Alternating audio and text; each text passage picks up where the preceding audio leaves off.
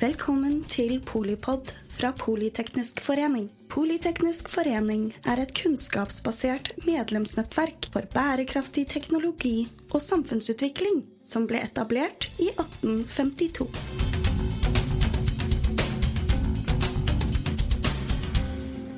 Henrik, du har jo skrevet en veldig god og litt uh, trist bok. Um, det er en bok om en sak som tidligere vel er egentlig mest omtalt uh, i setninger, eller det meste avsnitt, i den øvrige norske fortellinga om denne veldig viktige episoden, eller perioden, i norsk utenrikspolitisk historie.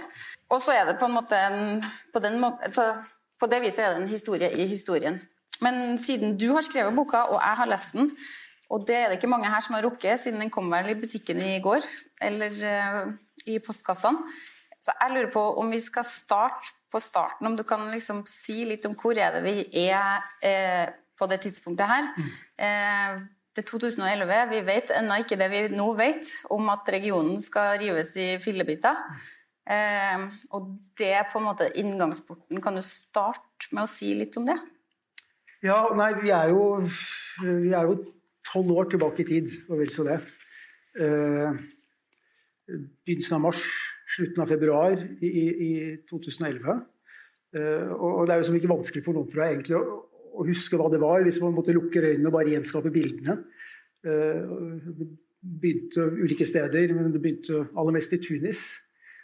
Og så spredde bildene som man så, og som vi etter hvert kalte den arabiske våren, Eh, de spredde seg, og det var store demonstrasjoner som, som mange husker, på Tahrir-plassen i, i Kairo. Eh, og eh, lederen som hadde styrt der lenge, Hosni Mubarak, han, han ble tvunget til å, å, trekke seg. Ikke fordi han ville, men fordi, fordi amerikanerne de hadde et avhengighetsforhold som gjorde at de avsluttet, avsluttet avtalen på en måte. Og så spredde det seg andre steder. Noen steder vi ikke la merke til da, og som har blitt enda mer alvorlig etterpå. Syria, hvor det begynte å ulme. Eh, i Jemen, eh, som, som, fortsatt ligger her. Og så begynte det også i, i Libya. Eh, litt senere, ikke, ikke, ikke, ikke så tidlig. Og, og, det begynte med, med opptøyer i noen mindre byer. Så var det en del av de som hadde jobbet sammen med Gaddafi i, i, i mange år, en del av regjeringen hans, som, som, som, reiste av gårde til en by som het Benghazi, og som plutselig ble veldig kjent i, i vestlig offentlighet i løpet av noen uker. Eh, og så startet de en, en, en mer organisert del av et, av et, opprør. Eh, og da er vi sant, i slutten av februar, begynnelsen av, av mars for tolv år siden. Eh, og da, en, en natt Enten tidlig på morgenen 7. mars eller tidlig på liksom, Litt utpå formiddagen Sent på natten 7. mars eller tidlig på morgenen 8. mars så var det to kvinner som ringte hverandre. Og Det visste ikke vi noe om, men hun ene het eh, Aisha. Eh, Aisha Gaddafi. Eh, eneste datter av, Gaddafi. Var den gangen 36 år gammel. Tre barn og, og gravid. Og hun ringte igjen hun kjente perifert fra før av, men som var i samme sjikt i Midtøsten, nemlig, nemlig datteren til, til avdøde diktator i Irak, Saddam Hussein. Og den datteren het Ragad. Og De hadde en samtale eh, en kveld hvor, hvor jeg tror Ragad Hussein, som da hadde selv opplevd sammenbruddet i Irak bare syv-åtte år tidligere, hun, hun, advarte nok uh, Aisha og sa at, at uh, jeg ser spor av at dere er på vei ned det samme stedet hvor, hvor vi havnet. Uh, og så spurte i løpet av en lang samtale så spurte Aisha om, om Ragad hadde noe råd.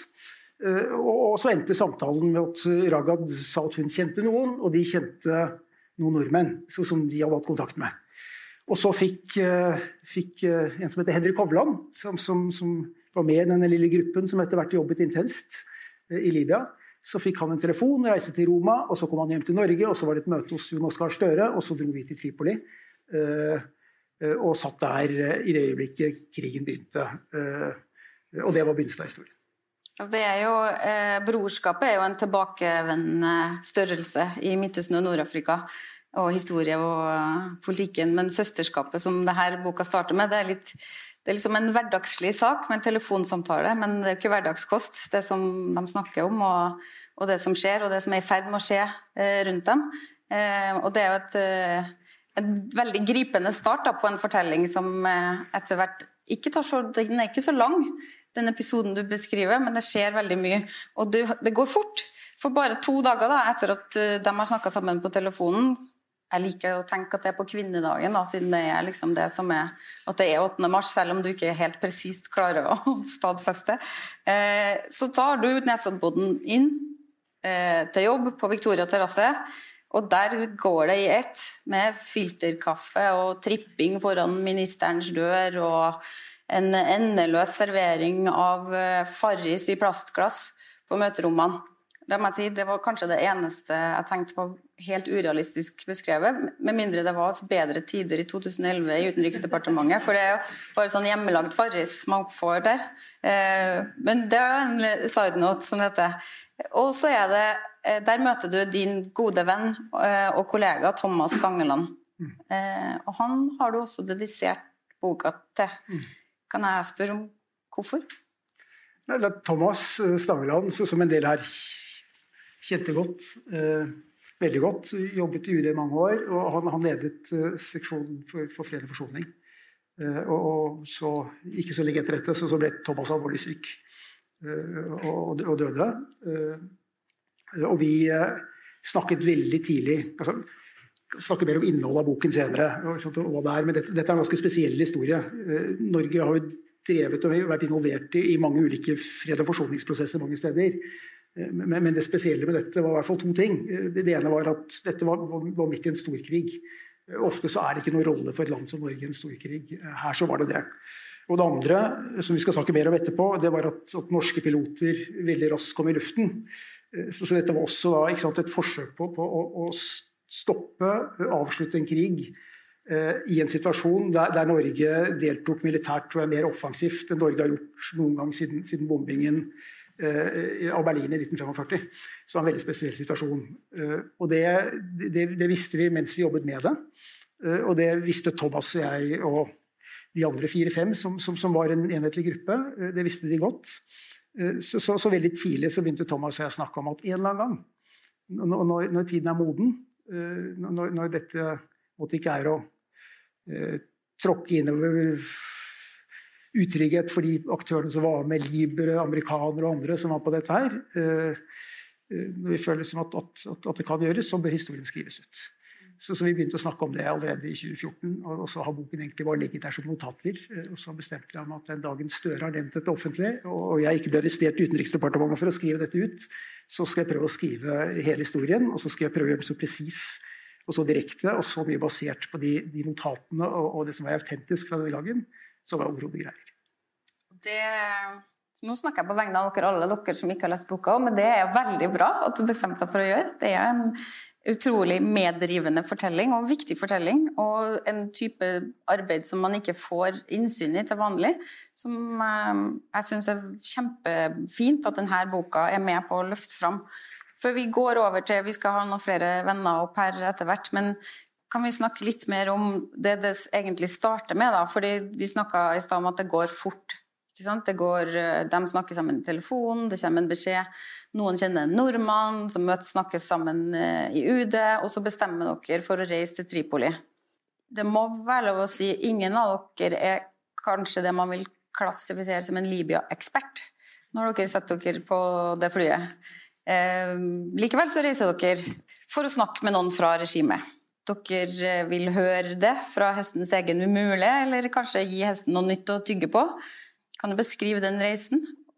Ja, altså, så, så, Historien og den prosessen som, som, denne boken handler om denne, denne boken Enkelt og greit handler om fem, seks, alltid syv mennesker. Eh, noen diplomater i Utenriksdepartementet, noen utenfor, som, som jobber i fire-fem måneder eh, for, for, for, å prøve å avslutte krigen.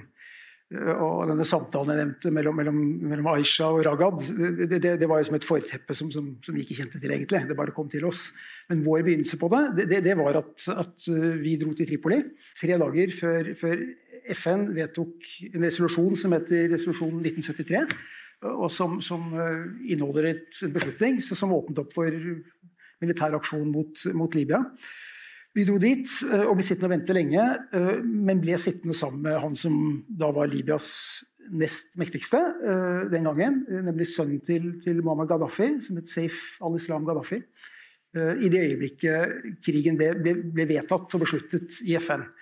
Uh, og det står mye i boken om det. Uh, men, men, men, det enkle var at, at vi fikk helt umiddelbart en, en, en, veldig sterk oppfatning at noe hadde skjedd galt helt til å begynne med denne krigen. Det var ganske åpenbart at, at, at Gaddafi og dette, dette, denne forespørselen om, om, en løsning kom jo fra Gaddafis familie til oss. ikke sant? Det var, var ganske åpenbart at, at Gaddafi-regimet selv, de på toppen, de, de forsto ikke hva som var i ferd med å gå på. Så du følte at dere Kom for sent? Ja, vi, vi, vi, vi oppfattet veldig fort at vi, kom for sent.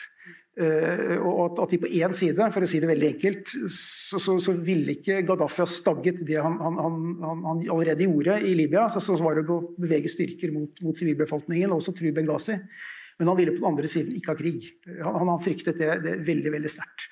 Så, så, i det øyeblikket eh, så, så, opplevde nok i hvert fall jeg at, at uh, internasjonalt diplomati hadde egentlig brutt sammen på, på, på, en ganske dramatisk måte.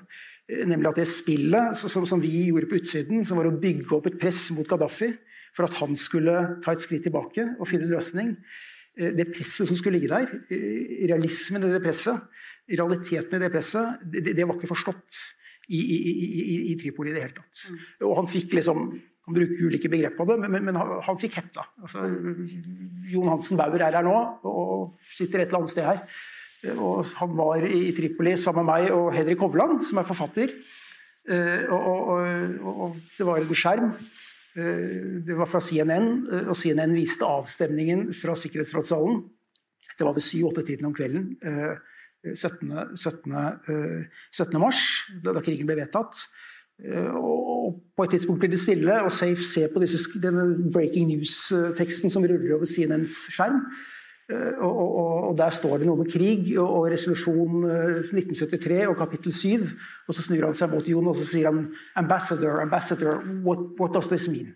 Are we in war now? Og så sier Jon yes, we are in war. You are in war. Altså, og så blir det pause, og så sier han liksom sånn, sånn litt halvdesperat What should we do? What should we do? Så det, Dette er liksom et regime som, som, forstår godt hva makt er, og, og de, de, går helt ut på kanten. Eh, men, men, men, det fantes et rom ganske tidlig der eh, som kunne vært utnyttet. Og når vi fortsatte å jobbe, så, så var det egentlig ut ifra én veldig enkel tanke. Og det var at I denne krigen spesifikt så hadde kommunikasjonen på mange båter brutt ned. Eh, og, og, og, det var ikke så mange kanaler, og den kanalen forsøkte vi å tilby utover i det som da ble en, en ganske lang historie, og som til slutt endte med muligheter for løsninger, men, men, men som ble, ble, ble, ble, stanset av, av, av, særlig Storbritannia og Frankrike, som, som, nok på et tidlig tidspunkt hadde bestemt seg for å ikke overholde FNs resolusjon om å beskytte sivile, men, men, å gjennomføre en regimeendring på egen hånd. Jeg lurer på om ikke det er et ganske bra tidspunkt å invitere våre andre venner som skal være med i samtalen opp, når eh, FN-resolusjonen vedtas i Sikkerhetsrådet, så starter jo med det også en del av det norske engasjementet som eh, vi har hørt litt mer om til nå. Da. Så Bård Solheim, oberst, eh, velkommen opp. Bård Vegard Solhjell, eh, du kan også få lov å komme opp. Og Terje Tvedt, vær så god. Jeg tror med det at vi har at vi er godt satt opp for å få belyst her problemstillingene fra en 360 graders vinkel, med det åpenbare unntaket at ingen av oss er fra Libya. Eh, og ingen av oss har da faktisk eh, eh, kjent på de konsekvensene som det her har fått, og kjent det på kroppen. Og det er jo et, en vesentlig mangel ved samtalen vår i dag. Ikke har vi verken statsministeren eller generalsekretæren i Nato her heller, så jeg tror mye av det kan få ligge også. Og da er det eneste jeg savner, egentlig den den der eh, gullstolen som du satt på i Dagens Næringsliv, eh, som var uventa flott. eh, men det er mm, Bård Solheim, du er oberst og var med på det her. Eh, hvis Henrik beskriver i boka si den myke enden av den norske sikkerhetspolitiske verktøykassa, så representerer du i hvert fall her i dag den skarpere enden. Eh, I går så var det jo eh, vår egen frigjørings- og veterandag, og da fikk eh, noen av de som eh, understøtta dem som fløy eh, norske Hercules, ned med de her 588 eh, bombene som mm. dere var med på å slapp eh, sine medaljer for operasjonen. Altså ganske lang tid etter at det faktisk skjedde, så er det her fortsatt en del av, en, en del av vår historie som er i utvikling. Da. Men jeg har lyst til å starte med å spørre deg fra ditt perspektiv, da, den skarpe enden. Hvordan var det å lese Hva slags tanker gjør du deg om denne eh, fortellinga som Henrik byr på her? Ja, Vi begynner med reklamen, da. Eh, fantastisk god bok. Eh, men det gjorde også at jeg fikk gjenleve situasjonen. Og jeg husker også resolusjonsnummeret og klokkeslett og datoer og alt dette her. Så det var jo en ordentlig thriller å lese, lese dette her. Eh, vi, sto i en litt annen situasjon enn dere. Dere var litt tidligere på enn oss, men kanskje det er det som er det, store, det, det som var meget utfordrende for oss. Det var jo tidsperspektivet også. Da den resolusjonen kom ut den torsdagen 17. mars, da var jeg på ferie på ca. samme breddegraden som du var. Da var jeg på eh, Kanariøyene. Og der var vi, eh, helt på ferie, helt rolig. Og jeg satt og så samme programmet på TV, eller eh, så at resolusjonen ble, ble godkjent. Og da tenkte jeg mitt, da. For jeg vet jo også at vi Eh, vi følger stort sett FN-resolusjoner. Det er eh, støtta godt opp under det. da. Men vi visste jo ingenting om at det kom til å bli sånn som det var. Eller vi visste ikke bidraget. Så når eh, telefonen ringte dagen etter, så visste jeg at da var det noe på gang. Da var det hjem. Og da gikk det slag i slag. Og når du leser i boka om at du ikke visste noe om Libya, det visste ikke vi heller. Jeg satt på flyet når vi dro nedover og leste om at oi, vi skal til verdens varmeste land osv. Vi var der, ikke sant. Prøvde å finne ut hva slags våpensystemer dette landet hadde, og den delen av det. Da. Men vi satt eh, og googla for å finne ut av dette her. Det kom brått på, ja. Og på det tidspunktet underveis her, så vet du heller ikke noe om at det sitter en eh, god håndfull nordmenn, norske diplomater eller gjør du det? Vet ingenting om det. Og sånn i ettertid skulle jeg gjerne sett at dere kanskje har vært der tidligere og fått, fått mer til. Det hadde vært utrolig bra hvis det hadde skjedd. Men sånn ble det jo ikke. Og vi satte i gang med det skarpeste som har, vi har vært med på, i hvert fall siden annen verdenskrig. Og de som fikk medalje nå sist, det var jo Hercules-flygere blant annet, eller de som eh, opererte Hercules-fly. Og vi trengte faktisk en Hercules ned nesten hvert 31. time i snitt for å etterforsyne med våpen. Og de som har sittet om bord i en Hercules, vet at det er et ganske stort fly. da. Og tenker deg hvor mye vekt og sånn som vi drev, og, og hvilken kampkraft vi, begynte, vi benytta. Lille nasjonen Norge. Er, vi skal komme litt tilbake til de her eh, refleksjonene dine også eh, etter hvert. Men jeg har lyst til å spørre deg, Bård Vegard.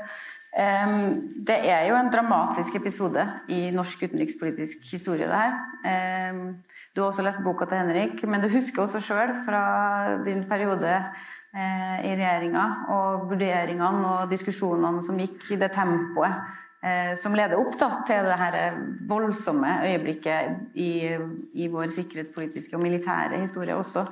Kan du dele med oss litt sånn dine tanker, det du husker fra den perioden, men også altså, Kan jeg jo først få si hvor formidabel den boka er? Det kan du. Altså, jeg trodde jeg skulle lese liksom, et stykke sakprosa om det. Det er sånn true crime, følte jeg. Det er en thriller. Um, og den er, i tillegg til at den er veldig spennende, så har det er som om du har dratt med deg en slags sorg som ikke gikk over som gir den en sånn, en sånn ekstra dybde, syns jeg. Og så må jeg bare si at du, ja, altså, du skriver så godt. Det som jeg fyller sånn når jeg leser, det er sånn nesten sjalusi, liksom. Tenk å ah, Skal jeg bare gå tilbake til de tørre kronikkene mine, så er det noen som skriver så godt om sånne ting. Så det, det må jeg bare si. Det er, det er virkelig, virkelig en bok man virkelig bør lese. Og så er det litt fra et, fra et veldig ulikt ståsted. Så har jeg samme sånn liksom det, ruller, det er liksom déjà vu at du ruller opp liksom, begivenheter. da. Og, og, det slår ned hvor, hvor likt noe er. Altså det, det, det, Henrik beskriver, den, den utviklinga i løpet av krigen den, den, husker jeg veldig likt. Og jeg, jeg så den den gangen veldig likt det du beskriver nå. At vi går inn i noe eh, som er en eh, eh, kort operasjon for å redde liv i en akutt situasjon, som blir til en regimeendrende operasjon, og som du skriver her, kanskje noen fra starten ville. Det visste jo ikke jeg, da. Og som ender i det og et land i kaos nå. Men så er det noen ting som er annerledes òg. For det er klart man leser boka di nå, så, så det, at det framstår som om det fornuftige da var å være veldig skeptisk til den krigen.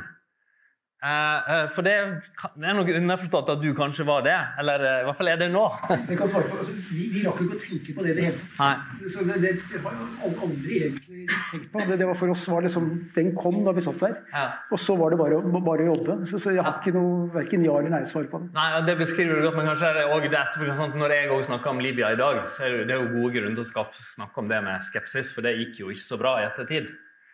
Men den gangen var jo ikke det det dominerende synet. Det spesielle med Libya internasjonal politikk var jo at veldig mange som normalt aldri er for en militær operasjon, var for en militær operasjon. Eh, internasjonalt og i Norge. Altså den arabiske, sånn, Man glemmer Den arabiske liga var støttende til den operasjonen her i starten. Eh, de fleste vestlige land, altså Kina og Russland, lot være å legge ned veto. Og I Norge så var mange politiske partier, bl.a. ca. to tredjedeler av SVs landsmøte, som jeg husker veldig godt, eh, det året, for den operasjonen. Og jeg eh, sjøl personlig var overbevist om at det var riktig etter det FN-mandatet. Og det, det er verdt å reflektere over, eh, fordi det bildet i dag ser veldig annerledes ut. Og hvorfor var det sånn? Og Der synes jeg kanskje også at der, der mener jeg Altså, I dag så er det rett og slett galt, men beslutninger blir jo ikke tatt sånn. Det blir jo ikke tatt med, ti, med etterpåklokskapens uh, dybde. De blir tatt uh, på kort varsel med veldig lite perfekt informasjon. Og Der mener nok jeg enda at det andre som har beskrevet at det fantes en del gode grunner da, likevel. Fantes en kontekst som kunne forklare det. For eksempel, min USAID-kollega Samantha Power skrev en glitrende bok som heter um, The Education of an Idealist, som beskriver det. Og to er nevnt i din bok òg. Men altså det, det, ja, det var en, eh, det var en eh, vanskelig situasjon. Det var et, eh, et unikt øyeblikk i norsk utenrikspolitikk, bl.a. på vår tunge deltakelse. Og så viser det òg siste poeng er problemet vi har som lite land når vi blir del av noe der større land enn oss eh, har mer å si etter hvert som det går, og det er vanskelig for oss å påvirke utfallet videre. For konflikten endrer seg, motivene endrer seg på bakken, og det er, det er krevende for Norge å være en aktør som styrer. Vi blir dratt inn i ting. Det var nok et element som jeg personlig har undervurdert en del. Eh, Terje Tvedt, eh, du er ikke politiker, og ikke soldat, og ikke fredsdiplomat. Eh, men det, du er forfatter og professor og dokumentarfilmskaper og har tenkt og skrevet og formidla mye om denne episoden i norsk politikk. Eh, hva er dine vurderinger nå? For det første må jeg også da si at det er en interessant bok, og godt skrevet. Men jeg leser den jo først og fremst som et gravskrift over en illusjon. Og en gravskrift over ideen om Norge som fredsnasjon. Fordi at Du siterer Geir O. Pedersen her. Han snakker om at det som er typisk for nordmenn, er at vi vil ha fred. Det er det vi er opptatt av, og det er det som er kulturen. og sånn. Det er jo ikke sånn. Det døde med Libya. Etter det har det vært Syria, Afghanistan eh, Sende våpen til Ukraina altså, altså at Man har en helt annen holdning og idé om hva Norge skal gjøre internasjonalt nå, enn det man hadde på det tidspunktet. Og det synes jeg, og det er det, Derfor boka her, som noen har sagt, er litt sånn trist. Så, for det er egentlig en fortelling om noe som så definitivt er historie. Det er det ene og det andre er at jeg er veldig uenig med hva du sier. når det, altså at, Og som vel også ble nevnt innledningsvis, at da var det liksom sånn at uh, den arabiske våren seira over alt. Alle trodde at det skjedde på den måten det skjedde. og Det var liksom ikke noe annet å mene. Men det er jo feil. For det første var det mange land internasjonalt som mente det samme, som var kritisk. Tyskerne var kritisk. Og det var også folk i Norge som var kritisk, inkludert meg selv fra dag én. Jeg må jo kunne si det når alle sier at alle tenkte likt. Hvis det var sånn at jeg fra starten av sa at arabiske våren, glem det, så, så tenkte jeg annerledes om verden. Og det må aksepteres. Altså var det mulig. Altså er det ikke bare å snakke om etterklokskap. Etterpåklokskap, for da opphever man rett og slett ansvaret som man har for å forstå den situasjonen som man er i, og for den verdenssituasjonen som man som politiker må forholde seg til. For det synes jeg er noe annet som er interessant. Nå skal jeg snart slutte, men med den boka der at du skriver veldig godt hva som skjedde. Det må jeg virkelig si. Men samtidig så er det noe underlig ved hele teksten. Og det er den enorme si, sikkerheten dere hadde når dere hadde å operere i dette miljøet, sånn som du sa. Dere reiser på fly. Ingen hadde noe spesiell greie på det. Jeg har, følt, altså jeg har liksom ikke følelsen at Når var det dere satte dere ned og leste noe? Når var det dere satte dere og tenkte? Hvilket land er Libya? Hvilken historie er det? Er det sånn at Man kunne ikke forstå på forhånd at dette landet var nødt til å gå opp i liminga? Det kunne man jo selvsagt forstå, men da måtte man ha lest litt. Man måtte ha knyttet an til en intellektuell tradisjon der ute som fantes. Men som i den verden som du beskriver, så var det som om historien ikke var. Altså Fortiden eksisterte ikke.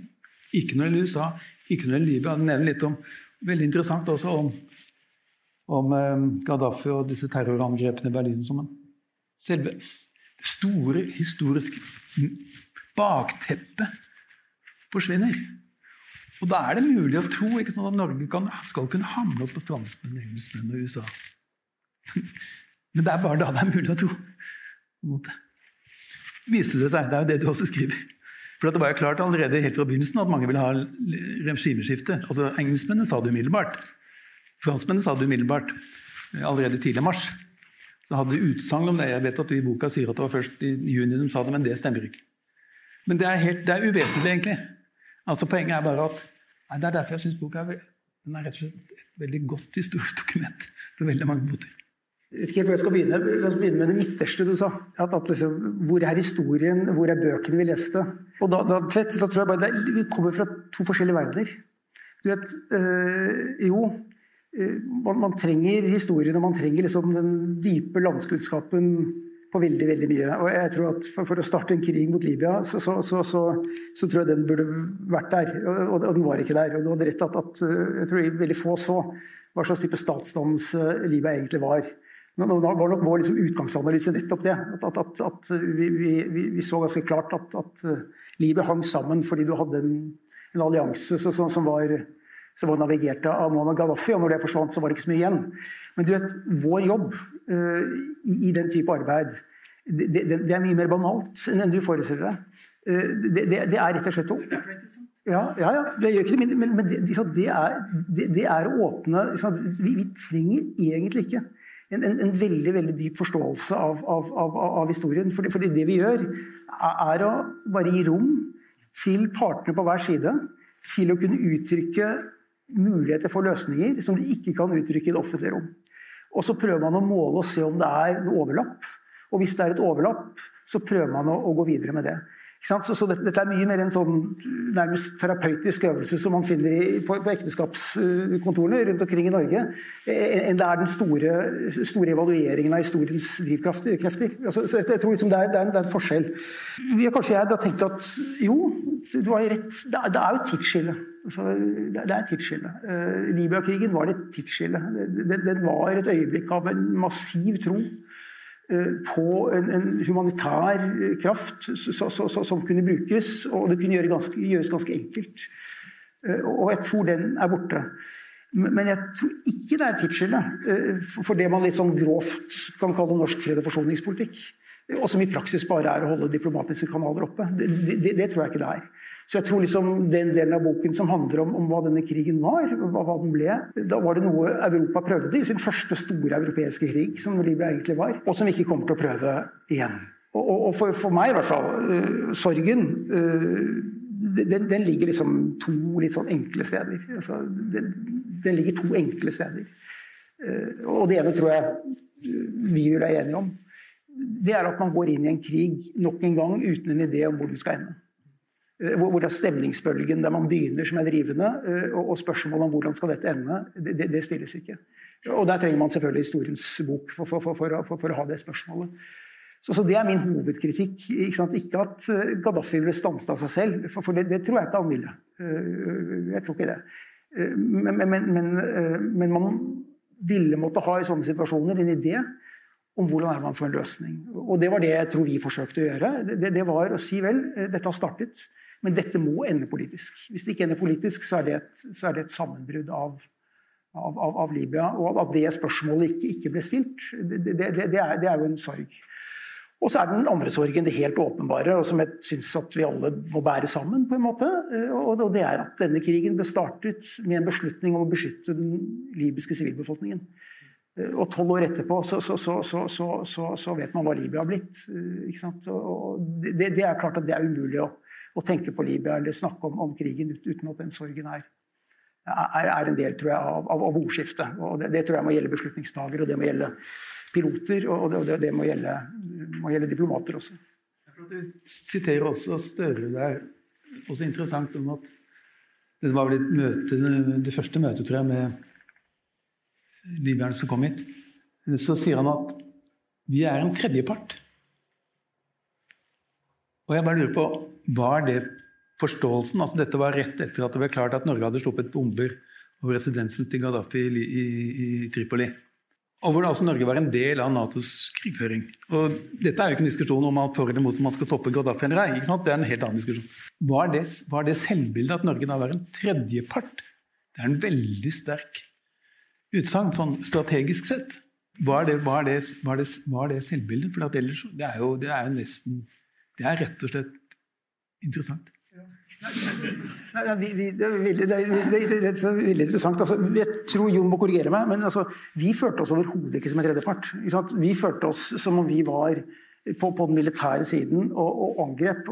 Her, vi satt og var forhandlinger i Oslo eh, mellom partene mens det var nyheter i Libya om at eh, norsk, norsk, antakeligvis norske fly eh, hadde truffet boligene til familien til de som satt og forhandlet i Oslo. Så, så vi følte oss ikke som tredjepart. Men eh, Gaddafi-regimet ønsket oss som tredjepart fordi de var desperate. Eh, sånn at For oss var også det en pussig opplevelse. Så, så, så, så, vi var på en måte, vi opererte på en, en, eller annen måte i et rom litt sånn hinsides eh, den, den krigen som, som, påvirker. jeg si. Jeg, jeg, jeg tror sånn vi opplevde det, tror jeg. I hvert fall jeg det. Jeg tror kanskje Jon også vil si det samme. Eh, vil jeg si at eh, Fortellinga er også veldig full av tvil. Mange tviler. Mange runder i eget hode. Og den rundene mellom den herre strategiske optimismen som man må ha for å gå i gang med et sånn type arbeid, og en erkjennelse av at man er en liten eh, nasjon og en håndfull aktører, og at det er begrensa. Kanskje hva man kan få til, men likevel så er det noe som er liksom kjernen i det prosjektet her og i den boka. Og det dere prøver å gjøre, som jeg vil at du skal fortelle litt mer om, det er det her følelsen av at det er en sånn sliding doors-øyeblikk, der du kan få til en reise fra kanskje utenriksministeren sjøl, til Tripoli. Og det kan være det som gjør at historien får en annen utgang. Eller du kan ikke få den til. Og det var det som, gikk, som skjedde, som en spoiler alert. Det ble ingen reise. Nei, nei altså, Kjensgjerningen som opplevde den, det, det var jo at, at, eh, at partene i Libya eh, de, de, ønsket en løsning. Vi, dem, vi, møtte dem mange ganger og hadde, hadde rundt, rundt, rundt, rundt bordet i Oslo. Eh, og de kom fra to ulike sider, eh, men de, de, de ønsket en løsning. Så, så, så, så, det var enighet om man kunne fått en våpenhvile. Eh, og det var enighet om at man kunne, kunne ha en overgang til, politisk, til politisk, til, politiske valg med en overgangsregjering. Altså, de, de tingene var der. Og så, kom selvfølgelig fremmedfaktoren, som først kommer inn senere. At, at særlig franskmenn og britene hadde en, et annet ønske enn, enn hva liberne selv hadde. Men det var ett spørsmål som hele tiden var, var, var veldig, veldig, veldig krevende og det var pappa Gaddafi selv. Altså, vi jobbet jo i denne prosessen på mange måter på, på vegne av Gaddafis indre familie. Eh, også i et forsøk på å prøve å, overbevise pappa om noe familien ville at han skulle overbevises om. Eh, og det store spørsmålet i Libya-krigen, som alt til slutt hang på i forhold til hvor amerikanerne endte opp, og hvorvidt de ville tvinge franskmennene og britene til en løsning, det, det var veldig enkelt. Det var eh, skal Gaddafi gå av før eller etter en våpenhvile? Eh, eh, Gaddafi sa eh, jeg er villig til å gå av, men først må det være en våpenhvile. Og så sa, sa, sa amerikanerne og franskmennene at, at, du må gå av først, og så en våpenhvile. Og så var det et løsningsforslag som, som kom internt fra familien, og som, som, rett og slett dreide seg om at Gaddafi var i interne samtaler i familien sa seg villig til å, til, å, til å, gå av. Men det måtte være samtidig med en våpenhvile. Og så ville han gå et indre eksil.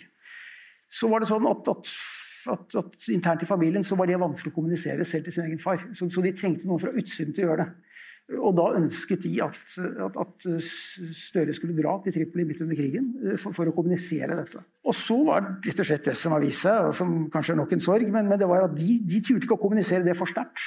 Så, så vi, vi, hørte det bare halvveis tydelig. Eh, og vi forsto ikke situasjonen. Og kanskje vi ikke forsto situasjonen fordi vi ikke kunne, kunne, arabisk og libysk kultur godt nok. Det kan, det kan godt hende. Men, men vi forsto ikke det ønsket, og forsto ikke ordentlig hvis, hvordan vi skulle respondere på det. Eh, og det var mange andre hensyn i forhold til sikkerhet og hvordan vil dette se ut i offentligheten osv. Så, videre, og så, videre. så han endte opp med å ikke dra.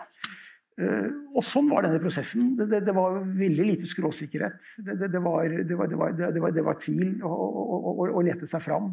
Eh, og, dette er på en måte ikke en bok hvor jeg har prøvd å si at dette er en sannhet eller fakta. Det er ikke et innlegg, egentlig. Jeg vet jo at mine meninger vil jo komme gjennom en tekst uansett, men det er et forsøk ikke på, å ytre så mye men å beskrive det som det, det, vi opplevde, og sånn sett liksom at det er bare et dokument eh, fra, fra, fra, fra den tiden. Men, men det, var, var, det var jo tvil, og det var veldig mange feil vi gjorde. Uh, usikker på om ting ville endret det, men det kunne ha endret det. Uh, og, der ligger også håpet i boken. at, at, at at det skal ikke alltid så veldig mange ting til for, for, at historien får på enkelte punkter et litt annet utfall enn, der, den, ender i, sånne situasjoner hvor liksom krig besluttes så, så eklatant av, av liksom suverene ledere. Mm. Tilbake til et eh, spørsmål til deg, hvor, uh, Terje, betyr det at du Altså, mener du at uh, det vi burde lære av den episoden her, da, er at Norge ikke kan få til noe eh, på fred- og forsoningsfeltet, eller at man ikke kan få til noe hvis man ikke har dyp kunnskap om det området man beveger seg inn i? Nei, jeg sier vel egentlig ikke om noen av de to spørsmålene, tror jeg. For altså, det er mer altså, hva er Det er klart Norge kan spille en rolle i konflikter hvis man ønsker det. Det jeg sier, det er bare at den fredsnasjonsideologien, den er for tiden død. Det er ingen som fronter den. Det ville være latterlig nå internasjonalt gå ut og flagge Norge som fredsnasjon. Altså folk ville ha ledd. Så det er egentlig ikke Det, det er mer en, det er mer et forskjell på å forstå, ettersom du, du sier Tun, at dette er et dokument om hva dere gjorde, og som det er veldig interessant.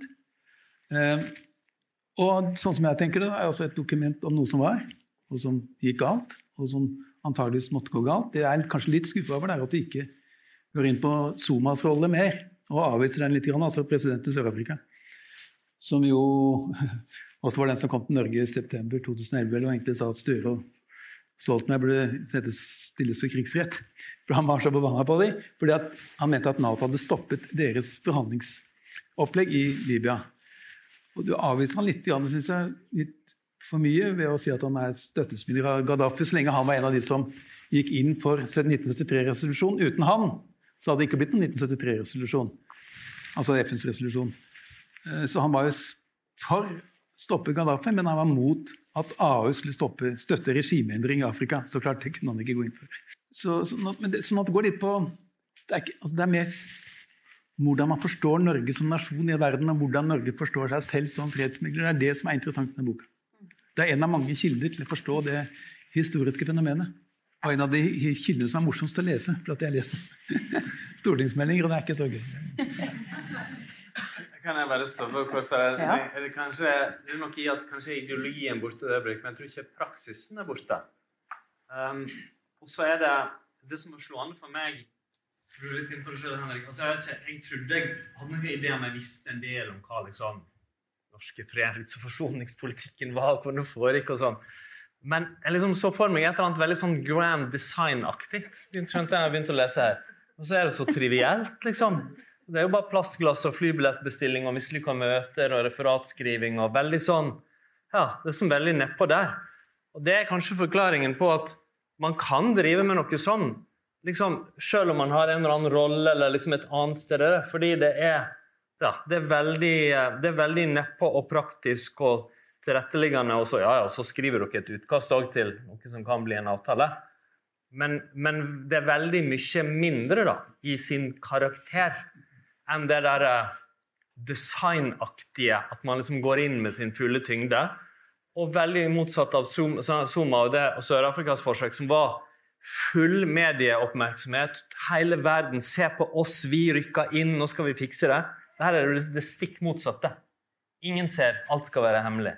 Eh, du skal få kommentere det etterpå. Jeg tror det er et fint tema sånn overordna også på, uh, under fred og forsoningsoverskriften. Men eh, Bård, jeg har lyst til å spørre deg om en ting som eh, jeg har lært eh, fins, eh, og det er en såkalt red card holder-funksjon. Bård Vegar snakka om det her med at en liten nasjon blir enda mindre når den store alliansen drar i gang. Eh, og militært så er vel det også tilfellet, eh, skulle man anta. Eh, så er det noen ulike målutvelgelsesteknikker her i sånne type operasjoner, eh, der noe er kriteriebestemt, og noe er forhåndsgodkjente mål, som jeg forstår det. Kan du forklare litt hvordan det der fungerer, og eventuelt hva om Norge hadde noen egne kriterier som det var mulig å holde seg fast i når det her rulla i gang? Jeg skal ta, og, og svare det på det spørsmålet. Jeg vil ta flere dager, egentlig. Men, jeg, men jeg, det er et par poeng her som jeg har lyst til å ta fram. Og det er egentlig litt sånn i fredsnasjonens uh, ånd allikevel. Og det er jo de bombene som jeg har nevnt et par ganger nå, da, som også står i boka. Det er Stort sett alt som står i boka, er riktig. Men de bombene som omtales i boka, det er ikke bekrefta noe sted at det er oss som har droppa dem. Og så sier ikke jeg noe mer om det. Det var en Nato-operasjon. Og, og, og, det andre som ikke er tatt med uh, så veldig mye i boka, det er at det, det var egentlig to forskjellige operasjoner òg. Den første var amerikanskleda, og da het den Odyssey Dawn. Og det var ganske spesielt at Norge ble da frigitt til amerikansk kommando. Underlagt direkte uten noen eh, spesielle vi kaller det caveats. da. Vi hadde ikke noe forbehold. Det er ganske spesielt. Og det varte i ca. de ti første dagene. Og, er, og hvis Amerikanerne er ganske foroverlente når det gjelder krigføring. Det er jo ikke noe å legge skjul på i hele tatt. Da. Så det var, det var, desidert den verste perioden for meg når jeg sto der. For det gikk, gikk så fort, og det var liksom Skal vi virkelig gjøre dette? Hva, ja, det rulla på, da. Så jeg hadde ganske mange sånne der, hva skal jeg si, indre følelser rundt det. Eh, og da er det amerikanerne som tar ut målet og gir oss målet osv. Og, så og så er det ut og gjennomføre dette. da. Men tro meg, vi brukte alt vi kunne av midler. Jeg satt med egen etterretning nede hos meg, bl.a. Eh, etterretningstjenesten, hvor fikk, jeg fikk noe ekstra støtte. Og vi gjorde det vi, som sto i vår kraft for å skjønne at de målene vi var med på, ble, var hva skal jeg si, eh, Eh, fornuftig. Da, at det var riktige riktig målet som vi, vi var med på. Eh, Redcard holder ordningen også, det er også et system hvor nasjoner har mulighet til å si fra. Og det fungerte jo også veldig bra etter hvert. Da. Men vi var der nede, vi droppa bomber etter fem døgn fra vi fikk ordren. Dette gikk så fort. Og da var det én person som hadde den funksjonen, og det, krigsoperasjonen gikk 24-7. Ikke sant? Én person greier ikke å følge med på dette. her. Da. Så vi måtte stole på folka våre, hver og en. Ned til liksom, pilotene måtte liksom ta masse store avgjørelser. Da. Vi, vi brakte veldig mange bomber tilbake igjen. For var vi usikre, så gjennomførte vi ikke ting. Da. Um, det andre også som er, som er litt sånn under jeg skal si, kommunisert, det var da etter når amerikanerne slutta å lede operasjonen. Liksom da begynte jeg å stusse litt. For, det, på, for det hadde vært veldig trykk. Og du kan si frontene eller Da hadde vi forståelse at da hjalp vi de sivilbefolkningen. Det gikk veldig fort. Vi ødela mye militære styrker osv. Og, så og så plutselig etter ca. ti dager så ville ikke amerikanerne lede dette lenger. Og så da skulle Nato overta. Og det høres ganske sånn der slå over en bryter, men det er nødvendigvis ikke så veldig enkel bryter å slå over.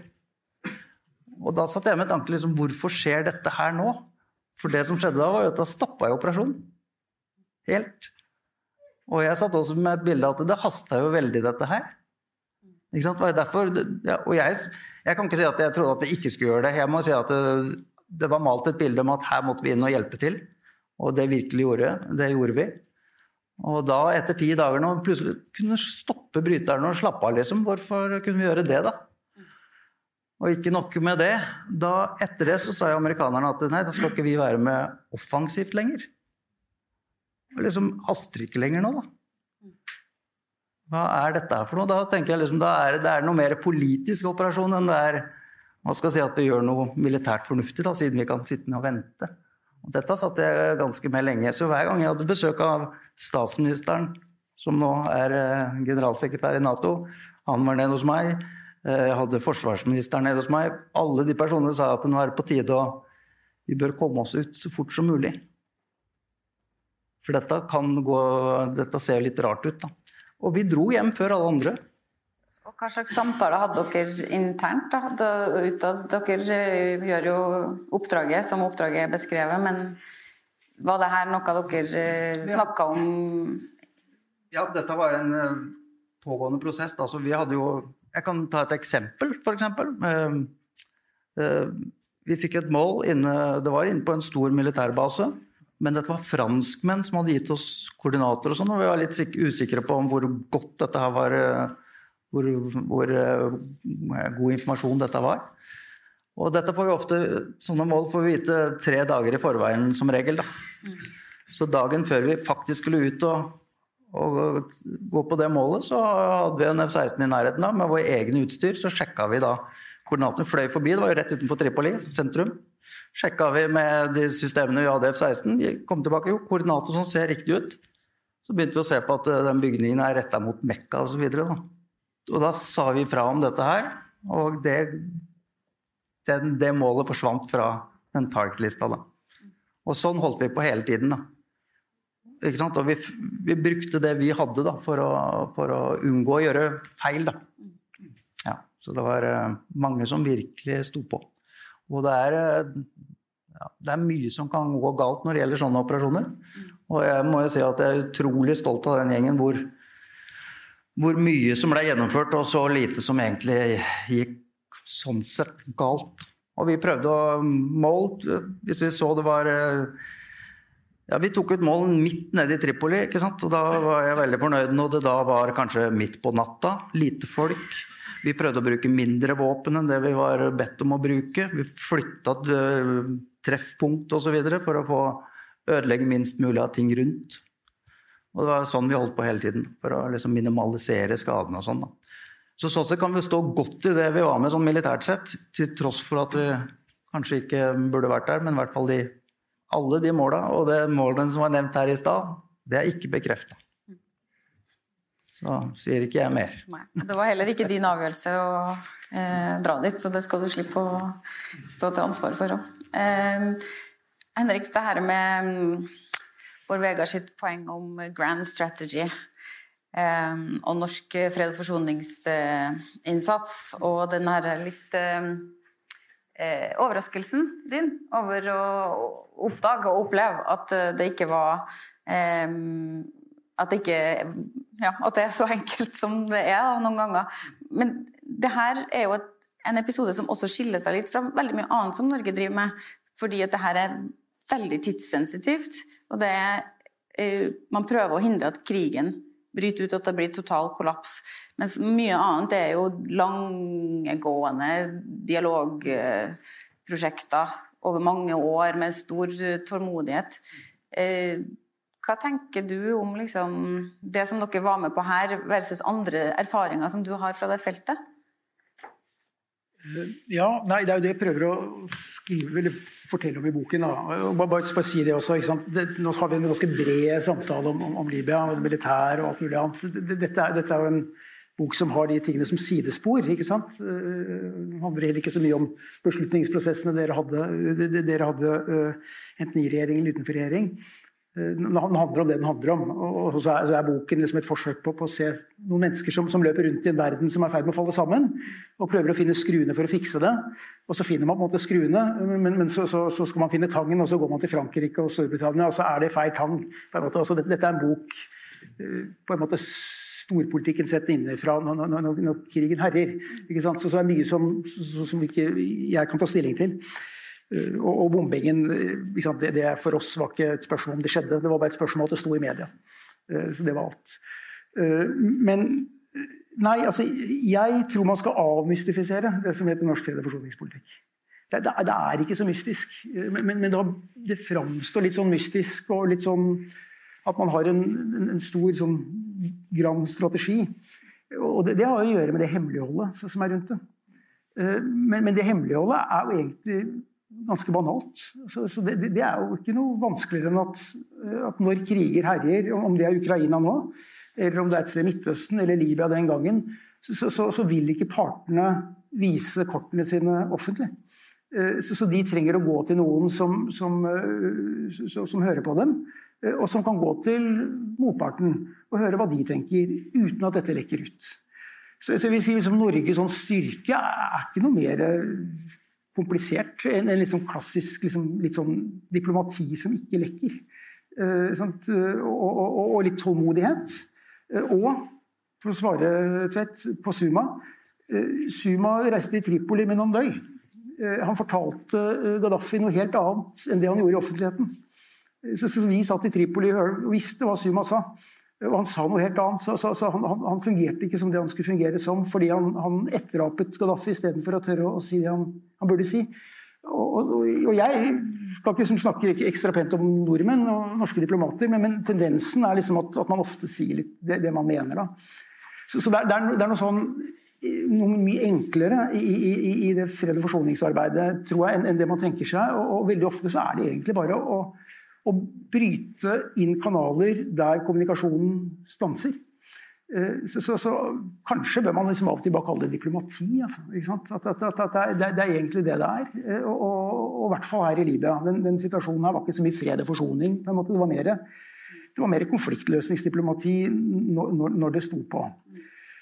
Og så er jeg enig med, med, med, liksom, med Tvedt at, at Eh, at, det har vært mye oppblåst omkring liksom Norges rolle. Og, og, og, vi har snakket om oss selv kanskje på en måte som ikke er riktig. Eh, men, men, det er ikke sikkert at, at, den oppblåstheten egentlig er det samme som praksisen. Så, så det, det, tenker jeg også er viktig for historikere å utfordre seg med. altså Forholdet mellom den offentlige diskurs om hva ting er, eh, og, det, og det ting er i praksis.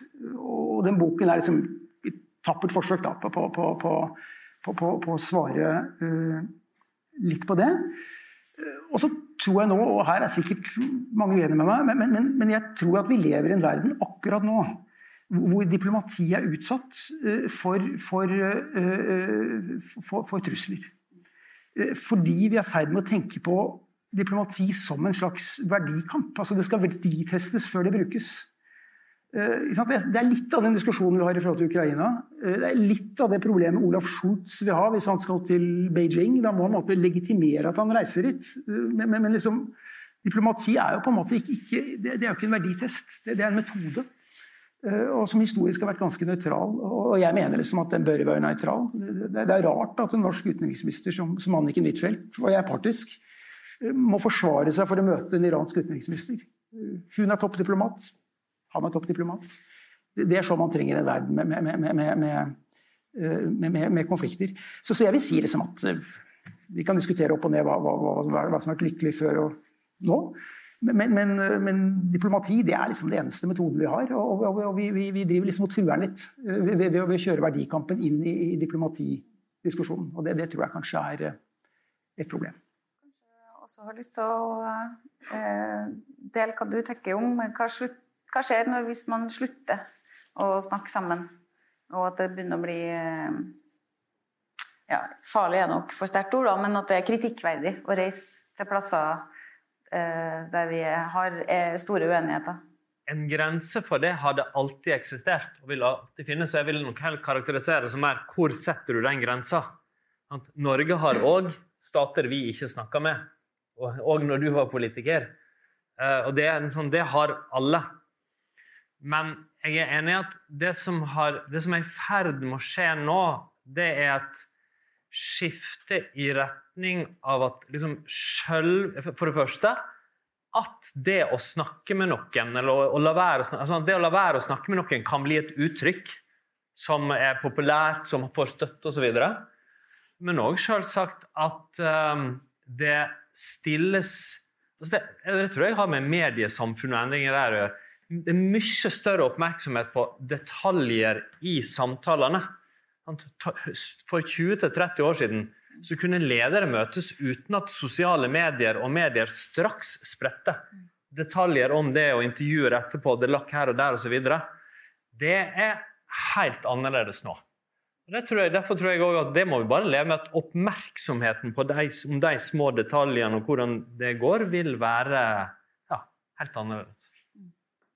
Terje? Jeg vil bare si at jeg oppfatter ikke denne boka som på noen måte et gravskrift over diplomatiet. Eh, jeg vil si snarere tvert imot. Diplomati har vel, som du sier, nesten aldri vært viktigere nå. Når det virker som om færre og færre vil snakke med hverandre fordi at man av en eller annen grunn er uenige. Og det er en veldig interessant utvikling som igjen er ganske ny. da. Egentlig fordi jeg mener selv midt under den kalde krigen jeg holder litt på med det, det er veldig interessant at Midt under den kalde krigen så samarbeida Sovjetunionen og Norge om å bygge ut tre-fire kraftverk i Grense Jakobers ja, grenseelva mellom Norge og Russland. Midt under den kalde krigen, omtrent idet U2-flyet ble skutt ned, så samarbeidet de. Mens nå kan man ikke engang ha russiske idrettsfolk i Norge. ikke sant? Altså, det har skjedd noe. Så det er ikke et graskritt over diplomati. Tvert imot så er det en sjarmerende beretning om hvordan noen diplomater jobber. Ehm, og som du sier, low-key. Det var ikke akkurat altså, du, du, du, du, tenkte ikke sånn ja, 'Dette vil jeg gjøre òg'. det, var, ikke sant? Det var ikke sånn.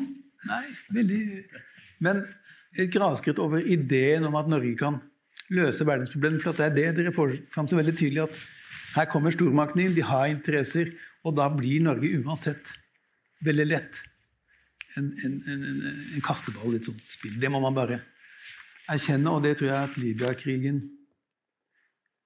brakte den erkjennelsen.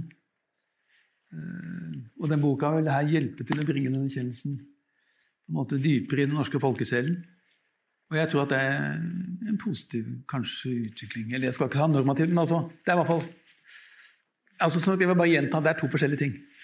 Eh, ikke grasskritt over um, ideen eller selvbildet om Norge som tredjepart som kan løse verdens konflikter selv om det kriger mot dem.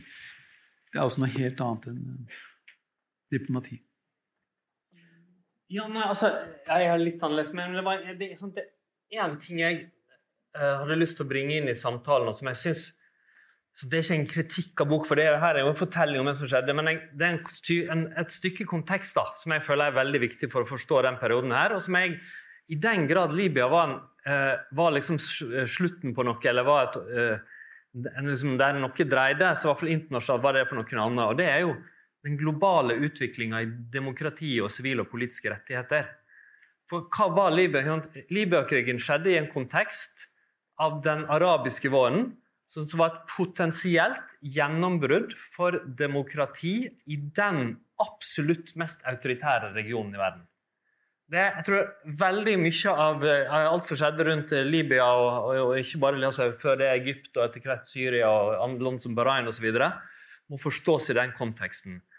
Og historisk var det i dag, sant, så tror jeg vi alle som sitter her og mange andre vet at vi lever i en verden der vi over tid nå har sett tilbakeslag i snitt for sivile og politiske rettigheter over store deler av verden.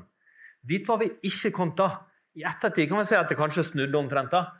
Men på det tidspunktet her, så, og det var en driver for meg, f.eks., så var det å, det å støtte en utvikling i retning av eh, ja, noe som ligner demokrati, eller at folkelige krefter kunne få større oppslutning, var en sterk driver, ikke bare for meg, men jeg tror for veldig mange andre eh, internasjonalt.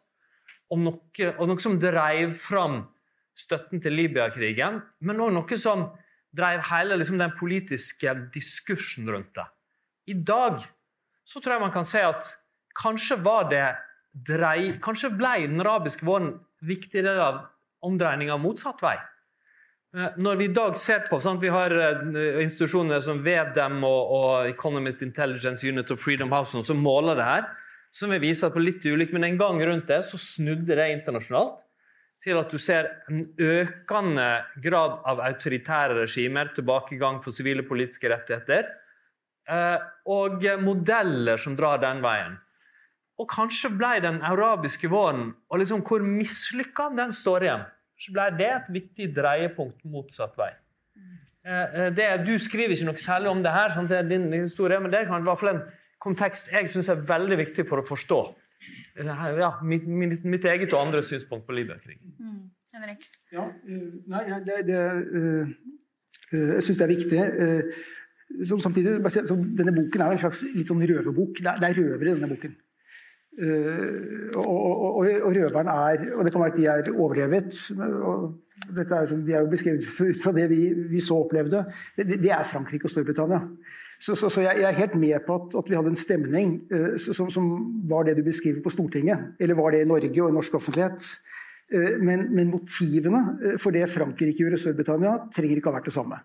Jeg tror helt sikkert at, at Sarkozy også hadde, hadde motivasjon som, så pen ut i forhold til det franske flagget. Og Cameron hadde det, hadde det også. Men, men, men, det var jo måte, strategiske maktinteresser så, som i veldig stor grad drev dem fra dette, det det burde vært, i, som du så det, tror jeg, nemlig beskyttelse av, sivile i Libya, og over til det som ble en helt direkte væpnet regimeendring så, så, som ble organisert inne på libysk territorium. Så, så, så, vi kan jo av og til, hvis vi snakker om naivitet og Jeg tar poeng jeg, liksom, om at fred- og forsoningspolitikk er per definisjon naivt, for den vil noe mer enn det som er realistisk. Eh, men, men, men eh, jeg tror ikke vi var liksom, vi, vi, vi, skjønte at dette var et mye mer brutalt spill. Og opplevde det, og det prøver jeg å beskrive i boken også, enn det kanskje forutsetningen var i norske debatten. Hvor vi av og til legger til grunn at, at, at alle land opererer i utenrikspolitikken sånn som vi gjør. Og, og i denne boken så er historien at det er ikke bare USA som opererer annerledes enn oss. Også, også, Frankrike og Storbritannia og, og nære land har sine, har sine doble agendaer. Eh, så, så Libya-krigen for meg da, er jo også et historisk skifte som du beskriver helt konkret, ved at amerikanerne går ut av cockpiten. Altså de, de, går ut av cockpiten nesten bokstavelig i løpet av denne krigen. Fordi Obama vil ikke være med videre. Han, han, han, er, han ville være med litt. Eh, og så slutter han å stole på franskmennene og britene, og så kjører de sitt løp. Og så blir vi på en måte dratt videre i det militære løpet. Ikke så lenge som andre, men opp til 1. 1. august. Hvor selve bombingen også utvikler seg i retning av det som, som ikke var FNs beslutning. Men, men som, som, er Frankrike og Storbritannias mål om at dette skal, dette skal lande i en, i en regimeendringskrig. Så, så, så, og vår naivitet var at vi trodde at USA fortsatt ledet verden. Og, og vi glemte egentlig å banke på døren i Paris og London. Eh, lot det være. Eh, og da Støre kom dit i, i slutten av juni 2011, så ble han møtt av, av Sarkozys nasjonale sikkerhetsrådgiver med et kart uh, som tegnet den franske planen om hvordan de skulle, skulle fjerne, fjerne, Gaddafi. Og, og de var overhodet ikke interessert i å snakke om en løsning som, som partene i Libya egentlig var enige om. Så, så, så, jeg vet ikke, så, sånn at, jeg jeg, jeg ikke, tror i hvert fall ikke at man skal legge til grunn at, at norsk fred- og forsoningspolitikk begynner fra pre, premisset naivitet. Jeg mener ikke at politikken heller gjør det. Men, men vi kan av og til uh, ende opp å tenke at, at, verden er sånn som vi selv er på våre beste dager. Uh, og sånn er ikke verden alltid. Hadde du en siste Ja, Det er et veldig godt poeng, og jeg syns også det er noe av bokas styrker. At det nettopp får fram forskjellen på den norske samtalen om verden eller diskursen og på noen stormakters interesser, eller også noen statslederes antageligvis personlige interesser, hvis det dreier seg om Sarkozy. Veldig interessant. Og når du snakker om eh, den arabiske våren, så mener jeg at noe av problemet ligger i at det fra starten av ble overvurdert som en potensiell endringsprosess. Du hadde masse liberale og radikale krefter i Europa som trodde at dette var på en måte eh, murens fall på nytt. Eh, Stoltenberg snakket om det i Stortinget. Det kan godt han, han også trodde på det. Men det endte jo opp med at alle disse menneskene ble allierte med Samantha Powelson under trekker fram, som jo var en regimeendringspolitiker og har vært det hele tiden og har vært strategisk inn for, gått inn for at USA skal endre regimer. Og til den engelske, og den britiske og den franske statsminister, som jo også gikk inn på den samme politikken. Så det ble en merkelig allianse mellom de som trodde på den arabiske våren, og de som utnyttet retorikken om den arabiske våren til å endre regimer, eller til å ødelegge regimer ut fra hva som de oppfattet som sine egne nasjonale eller personlige interesser. Det er tragedien med livet.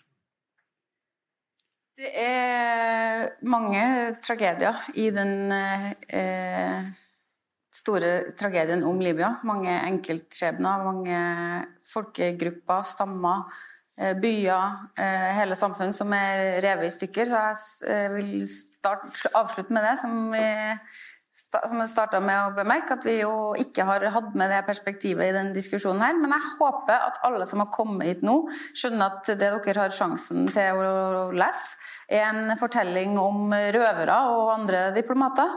Eh, et eh, interessant og unikt historisk dokument, en thriller og et festskrift til diplomatiet. Så godt skrevet at Sjøl Bård Vegard Solhjell er misunnelig på skrivekunsten.